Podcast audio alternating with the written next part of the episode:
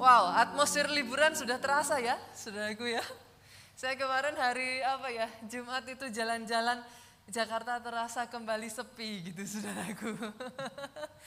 Bagi saudara yang nantinya saudaraku menikmati liburan dengan keluarga ataupun saudara yang di Jakarta aja. Saya berdoa saudaraku bulan Februari ini akan jadi satu bulan di mana kita mempersiapkan sungguh-sungguh kita masuk di seri firman Tuhan yang baru ini saudaraku pas sekali judulnya. Spiritual Upgrade. Jadi di bulan Mei ini pakai waktu kita. Justru kita mengambil waktu untuk mendekatkan diri dengan Tuhan. Amin saudaraku. Di bulan Mei ini saya akan masuk judul spiritual upgrade ini saudaraku. Berapa banyak dari saudara yang menyadari roh kita, our spirit need upgrade. Roh kita butuh di-upgrade saudaraku. Jangan lupa saudara, kita manusia ini diciptakan Tuhan terdiri dari tiga bagian. Roh, jiwa, tubuh.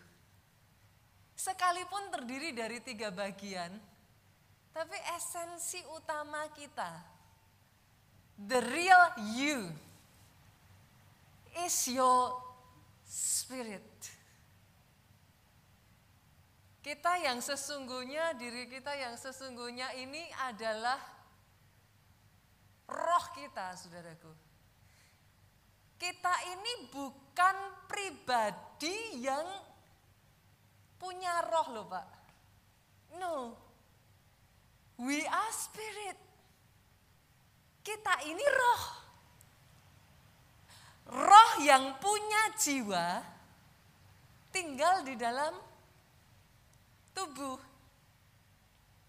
Itu sebabnya nanti satu kali kelak saudaraku, ketika sudah waktunya kita dipanggil pulang, kita kembali ke rumah Bapak, tubuh ini nggak dibawa.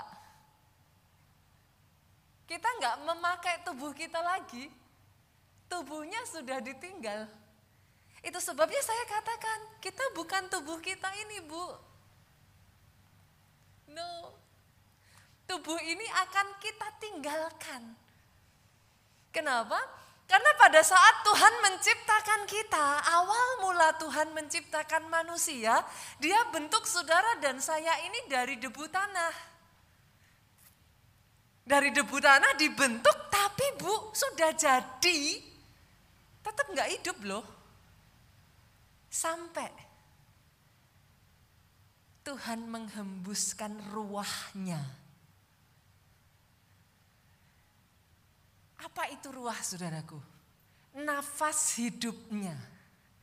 Tuhan menghembuskan rohnya sendiri.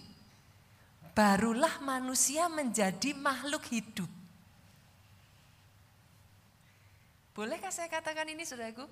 Saudara dan saya hidup karena ada roh Allah di dalam dirimu. Jangan pernah lupakan itu saudaraku. Kita buka ya ayatnya Yohanes 3 ayat yang ke-6. Di sana mengatakan apa? Apa yang dilahirkan dari daging adalah daging. Apa yang dilahirkan dari roh adalah roh. Karena saudara berasal dari roh Allah, saudara itu roh. Dan roh saudara ini kekal, saudaraku. Kenapa? Karena roh yang ada di dalam saudara adalah roh Allah yang kekal. Itu sebabnya roh kita kekal. Pada saat nantinya kita meninggalkan muka bumi ini, saudara. Makanya saya senang kalau orang Indonesia bilang kita itu meninggal dunia, saudara. Tubuhnya yang mati. Jangan salah, rohnya nggak mati rohnya hanya meninggalkan dunia untuk masuk ke kekekalan. Kalau tubuh aja, saudaraku, yang saudara dan saya lihat ini, kita pakai paling berapa lama sih saudara? 80 tahun? Syukur ya kalau bisa sampai 100 tahun ya Bu. Ada di sini yang sampai 120 tahun, amin saudaraku. Ada yang sampai 150, amin saudara. Saya ikut bersuka cita. Tapi kalau tubuh yang hanya sementara saja kita pakai waktu di dunia ini. Saudara dan saya rawat dengan sungguh-sungguh. Dijaga sungguh-sungguh. Dikasih vitamin pak. Dirawat ini badan gitu. Apa enggak terlebih lagi saudara? Manusia roh nanti yang bahkan ketika tubuh ini sudah expired masih lanjut perjalanannya. Yang mengerti katakan amin. Terlebih lagi harus dirawat dan butuh diperhatikan. Saya percaya ya saudara melalui pesan firman hari ini ya. Roh Kudus itu mau mengingatkan setiap kita yuk.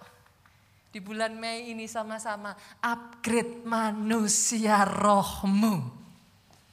Amin saudaraku. Upgrade manusia rohmu. Kenapa saudara? Karena 2 Korintus 4 ayat 18 mengatakan sebab kami tidak memperhatikan yang kelihatan. Yang tidak kelihatan, melainkan yang tidak kelihatan. Karena yang kelihatan sementara, sedangkan yang nggak kelihatan itu kekal. Jadi kalau yang kelihatan aja saudara rawat begitu rupa, yang gak kelihatan, rawatlah dengan lebih sungguh-sungguh lagi. Kenapa saudaraku? Ibu-ibu secantik-cantiknya kita. Bapak-bapak halo, di sini bapak-bapaknya yang keren-keren, ganteng-ganteng, seganteng-gantengnya kita. Maaf Pak, Alkitab katakan sementara. Gantengnya, cantiknya sementara. But the real you is your spirit. Yang di dalam diri saudara ini justru itu yang sesungguhnya. Kita perlu mengupgrade manusia roh kita, saudaraku. Kalau dipikir-pikir ya saudara berapa banyak dari kita semua kalau zaman sekarang saya rasa nggak ada ya yang nggak punya handphone ya. Semua kita punya handphone. Kalau kita renungkan ya nggak usah kita aja ya Pak manusia roh ya. Kita bicara handphone aja deh. Coba Pak. Kalau saudara pakai handphone ya nggak di upgrade upgrade. Apa jadinya? Saudara mau download peduli lindungi aja nggak bisa, saudara stuck. Betul? Kenapa? Karena kapasitasnya kecil. Lalu, bolehkah saya mengatakan ini? Atas hidup pribadi, lepas pribadi, lepas pribadi di tempat ini. Tuhanmu yang besar itu hanya bisa punya rencana yang besar atas kehidupanmu. Dia tidak pernah memikirkan rencana yang hanya kecil-kecilan yang biasa-biasa saja. Setiap pribadi lepas pribadi di tempat ini rencana Tuhan, rencana yang besar atas hidup saudara. Boleh saya dengar aminnya yang paling keras dari tempat ini? Kalau mau tepuk tangan, tepuk tangannya yang paling meriah. Rencana yang besar, maafkan saya saudaraku, hanya bisa terjadi kalau di upgrade Kalau handphone aja butuh upgrade, apalagi manusia roh kita. Bukannya Tuhan nggak mau bawa besar, saudara. Kadang sudah mau dibawa besar, tapi kalau nggak di upgrade, stuck, nggak bisa, gitu. Tuhan mau bawa besar juga nggak bisa, bukan Tuhannya yang nggak bisa, kitanya yang jadi nggak mampu, nggak kompatibel, saudara. Itu sebabnya Alkitab itu dengan jelas mengatakan, kita lihat ya. Kita buka ya. Kita lihat dalam 2 Petrus pasalnya yang pertama, ayatnya yang kelima sampai ayatnya yang ke-8. Saya bacakan ya.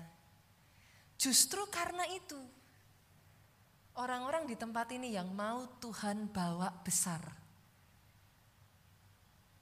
Izinkan saya katakan ini. Justru karena itu, kamu harus dengan sungguh-sungguh berusaha untuk menambahkan Kira-kira salah nggak ya kalau saya ganti gini? Justru karena itu kamu harus berusaha dengan sungguh-sungguh meningkatkan. Boleh dong? Boleh ya? Menambahkan, meningkatkan. Sama ya. Kata menambahkan, meningkatkan itu sama dengan mengupgrade, saudara. Tingkatkan. Tambahkan. Tingkatkan apanya, saudaraku? Upgrade imanmu. Ada waktu-waktu dalam kehidupan gereja ini ya, saudaraku. Tuhan mau bawa besar. Tapi kalau leadernya nggak punya keberanian, nggak bisa loh. Sudah mengerti yang saya maksudkan? Ada orang-orang di tempat ini Tuhan mau bawa kau besar, but you keep on saying to yourself, orang macam saya gini mana bisa pastor. Imanmu harus di-upgrade. Karena kalau imanmu nggak di-upgrade, Tuhan mau pakai besar juga nggak bisa. Kenapa selalu meragukan diri sendiri, selalu mempertanyakan diri sendiri, selalu nggak pede. Ketekunannya harus di-upgrade. Kenapa saudaraku? Lah kalau enggak baru gagal sedikit aja udah nyerah. Tekun. Ketika Tuhan izinkan engkau melalui kegagalan demi kegagalan, tekun. Kerjakan terus. Jangan menyerah. Maju terus. Diizinkan melalui masa-masa sukar. Tekun Kalau nggak di-upgrade saudaraku, baru sedikit ngalami masalah aja, oh, nggak bisa pastor. Itu? Apalagi saudara? Pengendalian dirinya harus di-upgrade. Tuhan bawa besar. Lah tapi pengeluarannya besar pasak daripada tiang. Gaya hidupnya nggak dikendalikan. Lah mau dibawa sebesar apa juga kalau pengeluarannya lebih besar ya habis saudara. Yang mengerti amennya yang paling keras. Upgrade. Bukan Tuhan tidak mau membawa engkau besar, tapi dibutuhkan manusia roh yang besar untuk dibawa perkara besar. Upgrade itu adalah pintu menuju terobosan yang lebih besar. Itu juga yang terjadi dalam kehidupan Yusuf. Pak, Yusuf tadinya saudaraku, anak manja di rumah orang tuanya saudara. Ya gimana saudara? Kalau saudara baca kisahnya Yusuf ini bukan saya me, me, me, me, apa ya saudaraku, saya itu menyetujui tindakan kakaknya menjual Yusuf tuh enggak saudara. Tapi ya gimana nih bocah memang tengil gitu saudaraku. Sudah ngerti satu-satunya yang dapat jubah mewah cuman dia, kakak-kakaknya enggak dikasih, dia pamer. Lah ya gimana saudara? Saudara mengerti maksud saya ya? Tuhan kasih dia kelebihan, yes. Sejak dari dulu itu, jangan salah loh saudara. Kelebihan Yusuf untuk mendapat penglihatan itu Tuhan sudah kasih dari dulu. Tapi Yusuf yang masih mentah, mau dipakai Tuhan, gak bisa. Berapa banyak dari saudara di sini pengusaha dan saudara tahu yang saya maksudkan. Bukannya saudara nggak mau mengangkat orang di bawah saudara atau karyawan saudara. Tapi mau diangkat kapasitasnya nggak ada. Ya nggak bisa, mau diangkat seperti apa pun nggak akan bisa. Sama, Yusuf juga sama saudara. Tuhannya mau pakai Yusuf itu no doubt. Nah tapi Yusuf yang begitu mentah, dapat penglihatan malah ngomong sama saudara-saudaranya. Udah ngerti nih saudara-saudaranya jengkel. Malah dapat penglihatan ngomong. Tuhan bilang, matahari, bulan, 12 bintang sujud menyembah. Jadi cita tuh saudaraku. Begitu ada kesempatan sama saudara-saudaranya jual saudara. Saudara mengerti yang saya maksudkan? Kita harus upgrade. Tapi kadangkala, maaf saudara, saya harus katakan ini. Upgrade itu enggak seenak yang saudara pikirkan loh. Masalahnya banyak orang Kristen tuh curang loh Pak. Pastor, saya berdoa, Tuhan berkati saya. Loh, orang semua mau diberkati kan, amin. Loh kalau pendeta ngomong, berapa banyak dari saudara yang mau diberkati? Wah aminnya yang keras, wah aminnya kencang saudaraku. Setiap kita mau diberkati, mau naik level, mau dibawa Tuhan besar.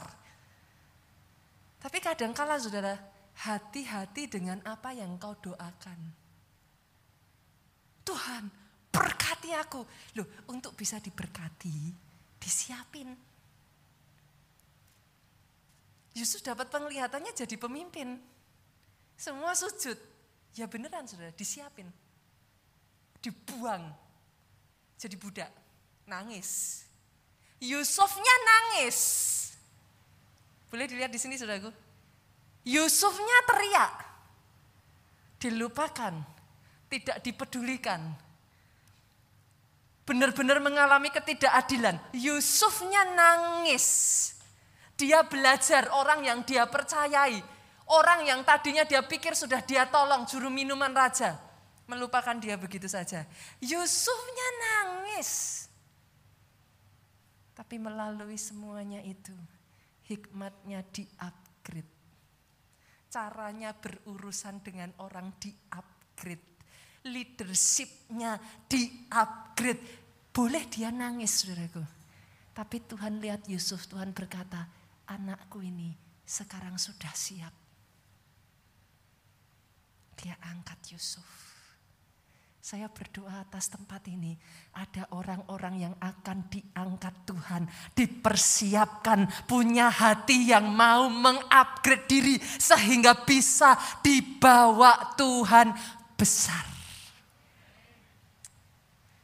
Pastor kalau gitu apa yang harus di-upgrade dalam hidup saya? Apa saja yang perlu di-upgrade dalam hidup saya? Yang pertama saudaraku, ternyata hikmat itu bisa di-upgrade. Kita buka ya ayatnya. Amsal pasalnya yang ke satu ayat pertama sampai ayatnya yang kelima saudara. Amsal-amsal Salomo bin Daud Raja Israel. Untuk mengetahui hikmat dan didikan untuk mengerti kata-kata bermakna. Hikmat itu membuat yang tadinya kita nggak ngerti jadi ngerti gitu saudara. Yang tadinya kita nggak nggak nggak ini maksudnya apa ya Tuhan maunya gimana ya akhirnya yang muncul adalah komplain-komplain sungut-sungut saudara tapi ketika kita dilatih Tuhan dan kita ngerti saudara yang muncul ucapan syukur kita lanjutkan ya. Untuk menerima didikan yang menjadikan pandai, hikmat itu menjadikan kita pandai. Serta kebenaran, keadilan, dan kejujuran. Untuk memberi kecerdasan kepada orang yang tak berpengalaman. Ingat ya saudara, kecerdasan ini cerdas dengan pinter itu beda loh. Cerdas itu salah satu bagian dari manusia roh. Kecerdasan itu ada kaitannya dengan pertumbuhan manusia rohmu. Itu sebabnya saya menemukan sangat sering saya mendapati saudaraku anak-anak yang hidupnya udah ketemu Tuhan nggak tahu gimana dia lebih mateng. Itu cara berpikirnya itu jadi lebih dapat. Saya melayani di Samuel Moment ya, saudara. Anak-anak yang tadinya belum sampai ketemu Tuhan, itu tuh kayak apa ya saudara, kayak nggak punya apa sih, nggak punya visi masa depan gitu bu. Dia nggak mikir jangka panjang, ya cuman happy-happy aja doang. Kalau bahasa saya tuh kayak dalamnya tuh kayak kosong gitu saudara. Bukan kosong nggak ada rohnya loh saudara, salah. Tapi rohnya itu kayak dormen, tidur gitu. Begitu itu dibangkitkan, saat Samuel momen dia tuh ngalami kepenuhan roh kudus, itu tiba-tiba terjadi perubahan. Terjadi perubahan. Signifikan sekali sudah. Saya pernah cerita kepada saudara ya, satu anak nakal, oh nakalnya minta ampun beneran. Kalau ini nakalnya udah bukan nakal yang tingkat, ini nakalnya udah tingkat dewa saudaraku. Ini jenis nakal yang kayak bukan cuma sekedar ya anak kecil lah bu main-main enggak saudara. Ini jenis nakal yang temennya duduk di depannya kayak gitu bawa teh gitu ya saudaraku tehnya dia gitu di eh, apa namanya di, dituangin ke mukanya temannya sudah Jadi emang nakalnya tuh nakal, saudara. Temennya makan gitu ya saudaraku, dia cari kecoa, kecoanya masukin piringnya temennya. Gitu. Tapi saya nggak bisa nyalain dia karena ketika saya lihat eh, apa namanya sejarahnya bukan bukan bukan membenarkan sekali lagi saudaraku, tapi saya melihat sejarah anak ini saudara itu udah pindah tangan berapa aja gitu. Orang tuanya nggak mau ngasuh dia, serahin ke bibi, bibi nggak mau angkat tangan, serahin ke paman-paman angkat tangan, serahin ke kakek, kakek angkat tangan, serahin ke keluarganya gitu sudah. Udah berganti sekian tangan sampai ke e, kerabatnya ini yang membawa dia ke gereja kita. Gitu. Saudara tahu ketika dia dijamah Roh Kudus. Anak yang tadinya nggak punya nggak punya pikiran tentang masa depan isinya cuma nakal ya saudara. Oh dia jadi punya leadership yang kuat sekali Kali kedua dia ikut Samuel uh, Eagle Camp. Eagle Camp itu ISBC saudara untuk anak-anak. Itu yang pertama dia usilin eh, teman-temannya begitu rupa ya saudara. Yang kedua kalinya dia ikut Eagle Camp ya saudaraku. Itu Eagle Camp tuh ada satu sesi di mana kita tuh outbound. Anak-anak tuh diajak uh, apa namanya kayak ketentaraan gitu saudaraku, outbound. Jadi ada tantangan-tantangan alam seperti itu. Ini anak ya saudara, memimpin teman-temannya. Yang tadinya anak dibenci, benar-benar apa? Kalau orang Jawa bilang itu bambung. Apa sih saudara? saudara tahu bahasanya. Dia tuh benar-benar seenak-enaknya sendiri gitu saudara. Di ISBC itu ya saudara, teman-temannya udah nyerah pada nggak kuat ikut trekking. Trekkingnya itu mengharuskan kita bawa beban hidup. Jadi kayak e, baju-bajunya apa tuh kopernya apanya segala macam kalau mereka bawa itu harus dibawa pada saat trekking, Saudara. Saudara tahu anak ini ya, semua tas-tas teman-temannya yang sudah teman-temannya pada nggak kuat ngeluh ya, diambil sama dia, satu kelompok itu sekitar 7-8 orang, dia ambil tas-tas itu, dia pegang semuanya, dia e, apa namanya panggul semuanya sudah dan dia berkata ke teman-temannya, kalau aku bisa, kalian semua bisa mereka mengikuti anak ini sampai akhir, sudah. Bisa berubah begitu saja, sudah. Kenapa? Karena di-upgrade. Orang yang hikmatnya di-upgrade dengan nggak di-upgrade, itu beda jauh. Sudah. Sebelum di-upgrade, banyak keputusannya tuh sama banyak salah aja. Pastor saya sudah melayani, pastor saya sudah pondok Daud, pastor saya sudah ini dan itu. Tapi kenapa ya? Gak tahu gimana ketika berusaha bisnis, keputusannya tuh salah terus, saudaraku. Analisanya itu nggak tepat gitu. Jadi yang ada gagal, gagal, gagal. Tapi setelah di-upgrade, ini yang terjadi pada Salomo, saudara. Kalau saudara mau cari di dalam Alkitab ya, sebelum Daud mengangkat Salomo menjadi raja, Kisah Salomo tuh nggak pernah keluar muncul, saudara. Coba saudara cari dalam Alkitab. Salomo tuh nggak pernah diceritakan. Kita nggak ngerti siapa Salomo ini selain daripada dia satu dari sekian banyak anaknya Raja Daud. That's it. Gak pernah ada cerita tentang bagaimana Salomo berbakat, apakah dia orang yang that's it gitu. Tapi satu ketika dia diangkat menjadi raja oleh Daud. Di situlah Salomo tersungkur di hadapan Tuhan. Dia minta satu doa dan doanya didengarkan Tuhan. Tuhan tambahkan hikmat atas hidupku. Tadi berusaha dengan sungguh-sungguh meminta tambahkan hikmat, upgrade hikmatku Tuhan. Doa itu sampai ke telinga Tuhan, saudara. Tuhan upgrade hikmatnya Salomo. Begitu Tuhan upgrade hikmatnya Salomo, di situlah saudara mulai mendengar kisah-kisah tentang Salomo. Bagaimana Salomo membawa satu bangsanya masuk pada kejayaan. Setelah hikmatnya di-upgrade Pak. Tadinya bukan siapa-siapa, Salomo itu nggak, nggak, nggak pernah diceritakan saudara dalam Alkitab. Nggak pernah muncul namanya. Dia bukan seseorang yang kayak extraordinary, no. Dia hanya anak raja biasa. That's it. Maybe that's you. Itukah yang saudara rasakan? Tapi dengar hari ini.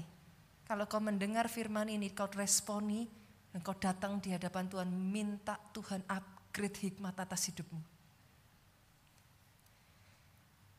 Ketika Salomo berdoa ya saudaraku, upgrade hikmatku Tuhan. Di zaman Salomo saudaraku, dia mengangkat derajat rakyatnya. Negara mana yang gak ada orang miskinnya saudara? Saudara kalau lihat sehebat-hebatnya di Amerika ada orang miskinnya kok. Saudara akan melihat ada orang-orang yang di pinggir-pinggir jalan juga minta-minta. Ada orang miskinnya. Tapi di zaman Salomo, Alkitab mencatat tidak ada satupun rakyatnya yang miskin. Banyaknya emas perak itu seperti banyaknya batu. Saya berdoa hikmat seperti ini Tuhan berikan atas hidupmu, atas hidupmu, atas hidupmu. Di dalam kehidupan saudara, Tuhan pakai saudara mengangkat derajat keluargamu. Derajat orang-orang yang ada di bawahmu.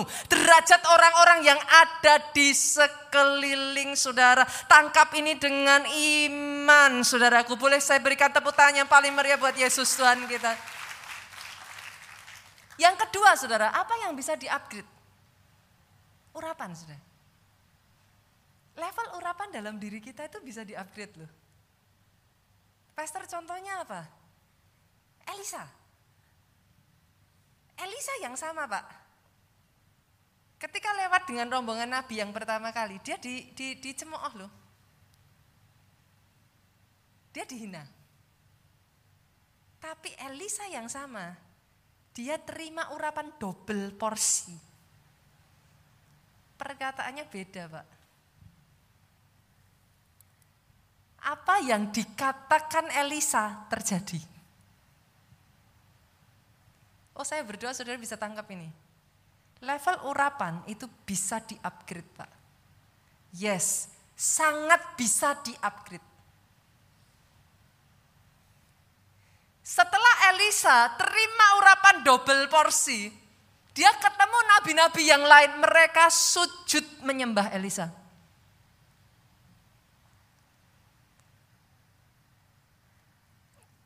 Jangan menyerah pada masalahmu, saudaraku. Upgrade level urapan dalam hidupmu. Taklukkan masalahmu sujud di bawah kakimu.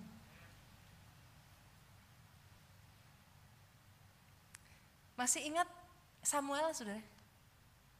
Sejak kecil dia tumbuh di rumah Tuhan, dia bertumbuh di dalam level pengurapan. Alkitab itu mencatat, saudaraku. Saudara masih ingat ya, di zaman di mana suara Tuhan itu enggak ada. Samuel dengar suara Tuhan.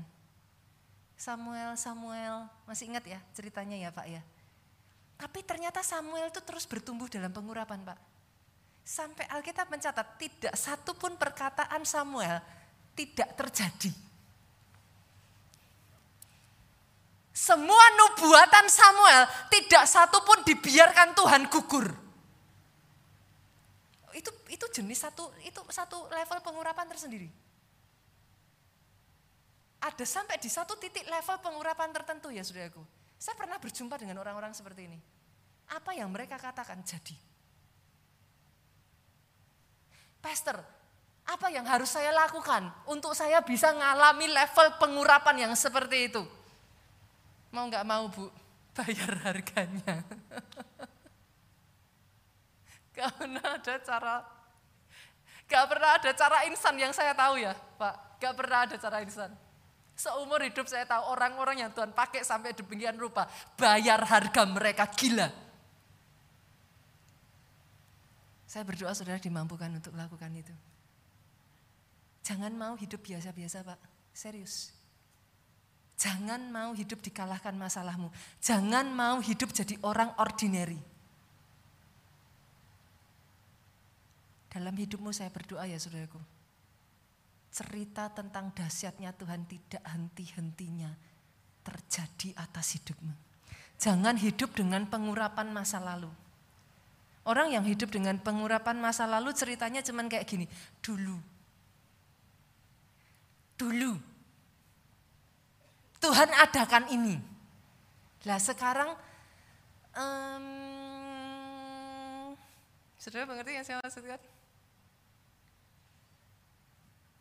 Level up your anointing. Orang-orang seperti ini apa yang mereka katakan, mereka mendoakan orang, orang-orang akan geleng-geleng. Sorry ya saudara, bukan orangnya yang berkuasa ya saudara. Tapi the level of anointing dalam hidupnya dia itu membuat apa yang tidak bisa jadi bisa. Kalau saudara pernah baca satu ayat di dalam Alkitab, dan kuk itu dilepaskan oleh urapan. Dibutuhkan urapan untuk menghancurkan saudara. Apa yang jadi penghambat dalam hidupmu? dibutuhkan urapan untuk saudara itu mengalahkan penghalang-penghalang dalam dirimu. Penghalang itu banyak. Penghalang itu boleh orang lain yang berusaha menutup jalanmu. Penghalang itu boleh orang lain yang gak suka engkau maju. Penghalang itu boleh dirimu sendiri yang gak bisa mengendalikan diri kita. Gak bisa mengalahkan kedagingan kita. Penghalang itu bisa jadi juga saudaraku. Ada banyak hal. Tapi saya berdoa, level urapan yang ada dalam hidupmu itu mengalahkan penghalang atas hidupmu. Level up. Pastor, gimana caranya? Saya tuh kalau mau berjuang berdoa aja susah. Puji Tuhan sekarang Pondok Daud di gereja kita sudah dibuka onsite Pak. Join hari Sabtu itu dari jam 11 ini kita baru buka awal 11 sampai jam 3 siang. Nanti kita akan tambahkan terus. Dan kabar baiknya bulan Mei ini gereja kita akan kembali mengadakan KKR 10 hari nonstop. Saudaraku. Dari tanggal 26 Mei nanti, sudah catat tanggalnya ya, sampai tanggal 5 Juni. Nonstop, kita akan buka KKR 10 hari. Saya berdoa saudaraku, nanti teman-teman hamba-hamba Tuhan yang sudah lama tidak uh, datang ke Indonesia bisa join bersama-sama dengan kita lagi di momen KKR ini gitu. Dan kabar baiknya lagi, nah ini siap-siap. Ini saya sudah langsung lanjut saudaraku. Saya mendahului saudara, saya sudah lanjut terlebih dulu. Kemarin kita puasa 21 hari, saya lanjut, saya bablas saudaraku. Ini nanti tanggal 9 Mei akan dibuka lagi kita puasa raya seluruh jemaat keluarga lah. Get ready ya. 40 hari, dari tanggal 9 Mei sampai Juni 17. Dari jauh senggol kiri kanan, jangan gak ikut. Disiplin puasa. Percaya nggak percaya sudah di momen puasa ini ya ada hal-hal yang dari saya berpuasa ini ya. Saya belum bisa ceritakan banyak kepada saudara. Ada sangat banyak hal-hal yang secara manusia tidak bisa. Tuhan sudah bukakan jalannya di momen saya puasa kali ini. Ada banyak perizinan di gereja kita Tuhan selesaikan di momen saya puasa ini. Nanti satu hari akan jadi satu kesaksian yang luar biasa indah gitu. Di momen-momen ini ya saudara, bahkan dalam diri saya sendiri. Ada hal-hal yang tadinya saya kayak I don't have the power gitu. Kayak saya nggak bisa mengalahkan diri saya sendiri untuk melakukan itu. Justru di momen puasa Tuhan kasih saya kemampuan. Jadi ayo join. Ikut doa puasa nanti mulai tanggal 9 Mei. Liburan ini seneng-senengin habis-habisin saudara. 9 Mei kita masuk di dalam doa puasa. Yang ketiga saudara, apa saja yang bisa kita upgrade dalam hidup kita kasih. Kasih saudaraku. Yohanes 3:16 karena begitu besar kasih Allah akan dunia ini. Orang Kristen harus hafal ayat ini ya. Nggak lihat ke depan hafal nggak saudara? Sehingga dia karuniakan anaknya yang tunggal. Supaya barang siapa percaya tidak binasa melainkan beroleh hidup yang kekal. Karena begitu besar kasih Allah. Artinya kasih itu bisa diukur saudara. Dalam kasus ini, ketika kasih Allah kepada manusia itu diukur, saudaraku. Alkitab mencatat begitu besarnya, sampai kasih yang begitu besar ini, dia itu mendorong Tuhan, mendorong Allah menyerahkan anaknya satu-satunya. Artinya yang namanya kasih itu bisa di-upgrade. Ada orang-orang yang begitu kecil level kasihnya saudaraku, sampai yang lebih parah ya saudaraku bukan hanya kecil ya, mungkin defisit level kasihnya, bahkan bisa tertawa di atas penderitaan orang lain. Gak tahu gimana, pokoknya kalau lihat orang menderita nggak tergerak aja, gitu. Kita mikirnya cuman kayak repot, gitu. Jadi yang namanya kasih itu punya levelnya, saudaraku, punya kapasitasnya. Kalau kapasitas kasih kita masih kecil, saudara, kita bahkan nggak tergerak untuk membalas kebaikan Tuhan. Gitu? Kita nggak tergerak orang-orang yang di luar sana butuh Yesus juga kita nggak tergerak. Karena level kasihnya masih kecil. Ini yang terjadi pada Petrus, saudaraku. Ngomongnya aja gede, Pak. Yesus, pokoknya kalau ada apa-apa sama Yesus, aku nomor satu yang bela. Ngomongnya gede. Tapi pada saat Yesus ditangkap, pertama yang lari Petrus. Pada saat ditanya, kamu muridnya Yesus ya? Kalau di gereja angkat tangan, yes, I love Jesus. Gitu. Sama Petrus juga saudaraku. Kamu muridnya Yesus ya? Petrus apa? Enggak, bukan. Yesus yang mana ya? Enggak kenal. Enggak tahu. Petrus menyangkal Yesus tiga kali. Kenapa saudara? Kapasitas kasihnya masih kecil. Digerakkan ya nggak bisa. Disuruh apa-apa juga nggak mau. Disuruh berkorban buat Tuhan jangan harap. Sampai satu ketika Yesus datang sama Petrus dia tanya, Petrus, apakah engkau mengasihi aku? Bahasa Indonesia kita nggak nggak nggak nggak nggak ngeh saudara. Kenapa? Karena bahasanya sama apakah engkau mengasihi aku. Dalam bahasa Ibrani aslinya Yesus tanya gini, Petrus, apakah engkau agape aku? Itu bahasa aslinya.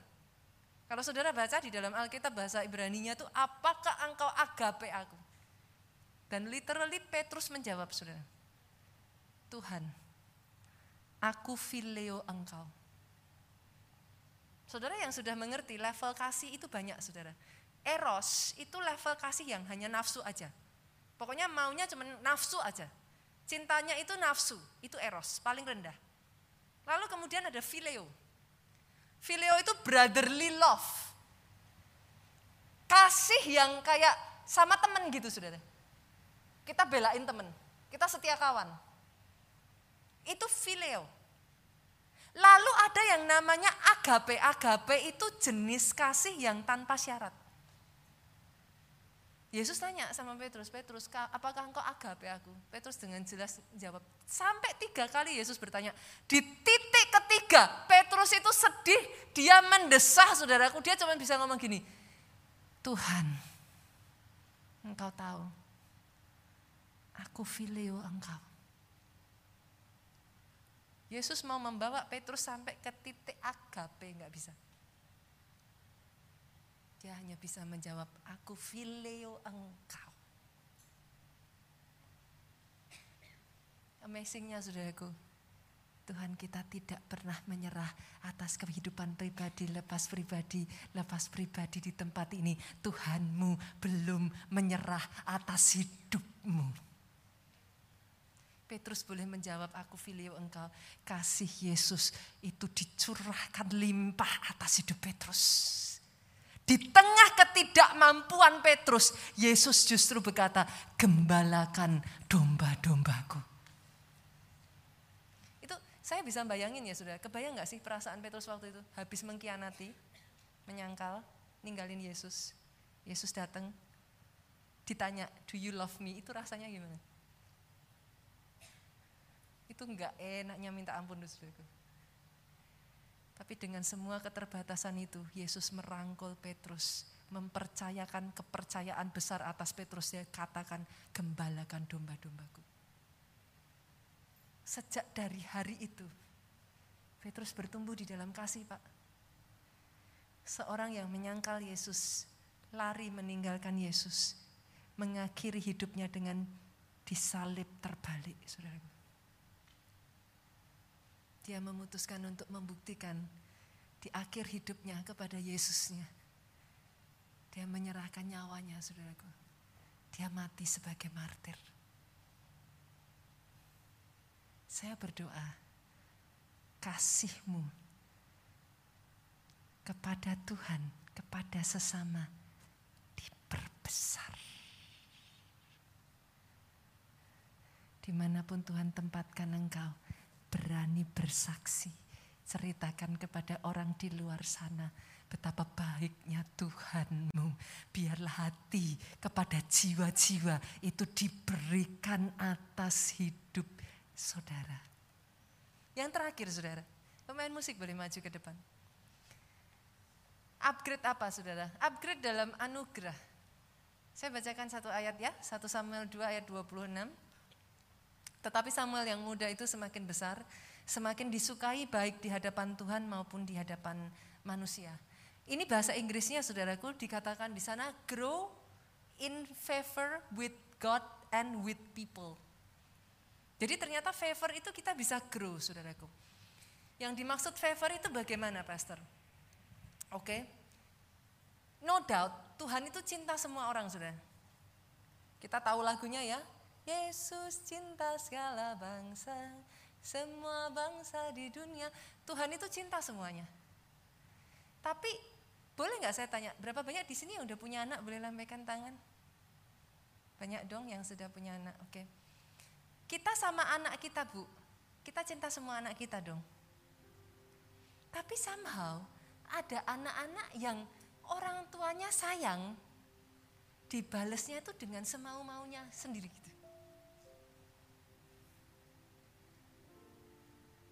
Pokoknya nggak tahu gimana anak ini itu kata-katanya selalu nyakitin orang tuanya. Apa yang dia lakukan selalu nyakitin orang tuanya gitu. Bapak Ibu pernah nggak ketemu anak yang kalau disuruh apa aja punya seribu satu alasan untuk bilang enggak. Tapi kan baru ini apa gitu. Tapi saudara pernah ketemu nggak anak yang semua disayang gitu sudah. Tapi yang satu ini nggak usah diminta. Lihat mamanya capek. Dia pengertian. Sudah ngerti? Itu rasanya beda loh. Senang deket-deket orang tuanya. Ada aja cara dia nggak tahu gitu. Pokoknya seribu satu cara aja. Dia pengen bikin orang tuanya happy. Beberapa waktu yang lalu Pak Jo sempat khotbahkan kayaknya pagi deh Pak Jo khotbahnya ya. Sempat khotbahkan tentang anak saya yang kecil sudah. Saya nggak suruh saudara. Tiba-tiba dia ambil kertas, dia gambar, terus dia tulis. Dia cuma ngomong gini dalam bahasa Indonesia, bahasa Inggrisnya tuh gini. Um, intinya dia ngomong, Mom, I wish gitu. Uh, kalau dalam bahasa Inggrisnya tuh, I know aku tuh nggak cukup sering ngomong how much I love you gitu. But you are the perfect mom, you are the best mother ever in the world. I just want you to know that I love you so much. Itu kalau saudara jadi orang tuanya dapat tulisan kayak gitu kelepek-kelepek loh saudara. saudara ngerti yang saya maksudkan? Bukan Tuhan mengasihi berbeda enggak. Kadang yang jadi beda itu respon kita sama kasihnya Tuhan. Ada yang responnya Tuhan mengasihi saya, eh, So what? Tapi ada orang-orang yang Tuhan seumur hidupku dari ujung kepala aku sampai ujung kakiku. Apa yang bisa aku lakukan buat Tuhan? Tuhan mau pakai tanganku, Tuhan pakai tanganku. Kalau Tuhan bisa pakai kakiku, pakai kakiku. Kalau Tuhan bisa pakai mulutku, pakai mulutku. Seumur hidup, hidup ini untuk memuliakan Tuhan itu kena lu di hatinya Tuhan. Adakah orang-orang yang mau saudaraku di tempat ini mendedikasikan hidup ini selama kita masih di bumi ini menyenangkan hatinya Tuhan. Bangkit berdiri yuk jemaat Tuhan. Minta roh kudusnya saudara. Kita tidak akan bisa mengasihi dari diri kita. We are very limited in many things.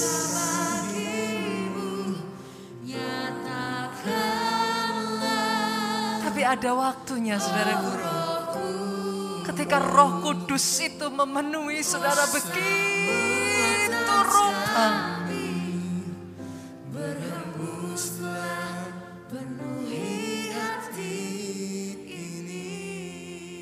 Saudara dipenuhi dengan kasihnya. Amin. Hati yang meluap. Boleh nggak ya saudara saya minta jemaat keluarga lah satu ini aja. Waktu kita di bumi ini nggak banyak. Tapi saya berdoa. Jadilah orang-orang perkasanya Tuhan di muka bumi ini. Saya bersyukur ya, manusia jasmani kita itu terbatas. Kebayang nggak saudara, kalau tinggi kita ini unlimited gitu. Kayaknya masuk gereja nggak bisa ya. Saya bersyukur sampai batas usia tertentu kita berhenti bertumbuh. Tapi kabar baiknya rohmu itu unlimited. Dan saya perkatakan, saya melihat raksasa-raksasa roh di tempat ini. Saya perkatakan saya melihat raksasa-raksasa roh di tempat ini. Seorang raksasa ya saudara, dia berjalan saja, jejak kakinya tidak akan dilewatkan. Semua dari kita akan pulang kembali kepada Bapak. Tapi jejak kakimu itu akan ditinggal di bumi ini saudara. Pertanyaannya jejak kaki seperti apa yang kau tinggalkan? ordinary people yang bahkan hidup berlalu begitu saja dan hilang begitu saja atau raksasa-raksasa roh yang mencatat sejarah di muka bumi ini. Doa saya itu saudara-saudara, saudara datang di hadapan Tuhan. Berhembuslah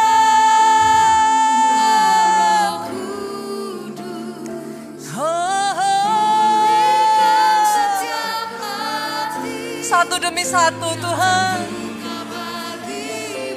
Kalau ada luka di dalam hati mereka, balut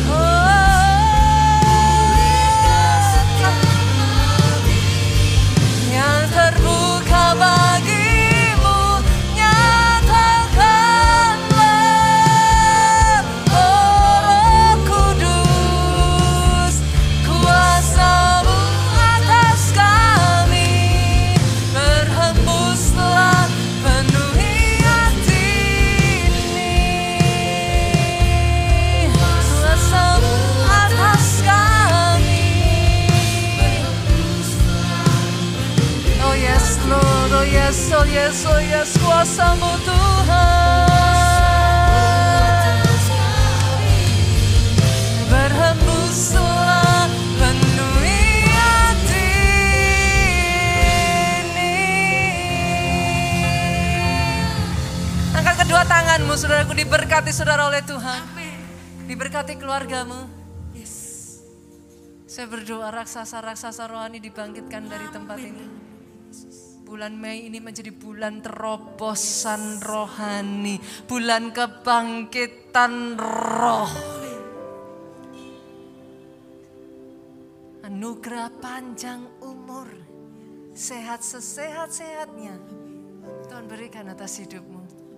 Masa depan yang gilang gemilang dari lidah bibirmu tidak akan henti-hentinya kesaksian demi kesaksian demi kesaksian. Kisah demi kisah, cerita demi cerita. Tentang bagaimana dasarnya Tuhan dalam hidupmu. Diberkati pelayananmu saudaraku, diberkati pemberitaan Injilmu. Pulanglah dengan membawa sukacita. Damai sejahtera Allah Bapa. Cinta kasih Yesus Kristus. Persekutuan dengan rohnya sekarang. Sampai selama-lamanya. Engkau yang diberkati katakan dengan suaramu yang paling keras. Amém.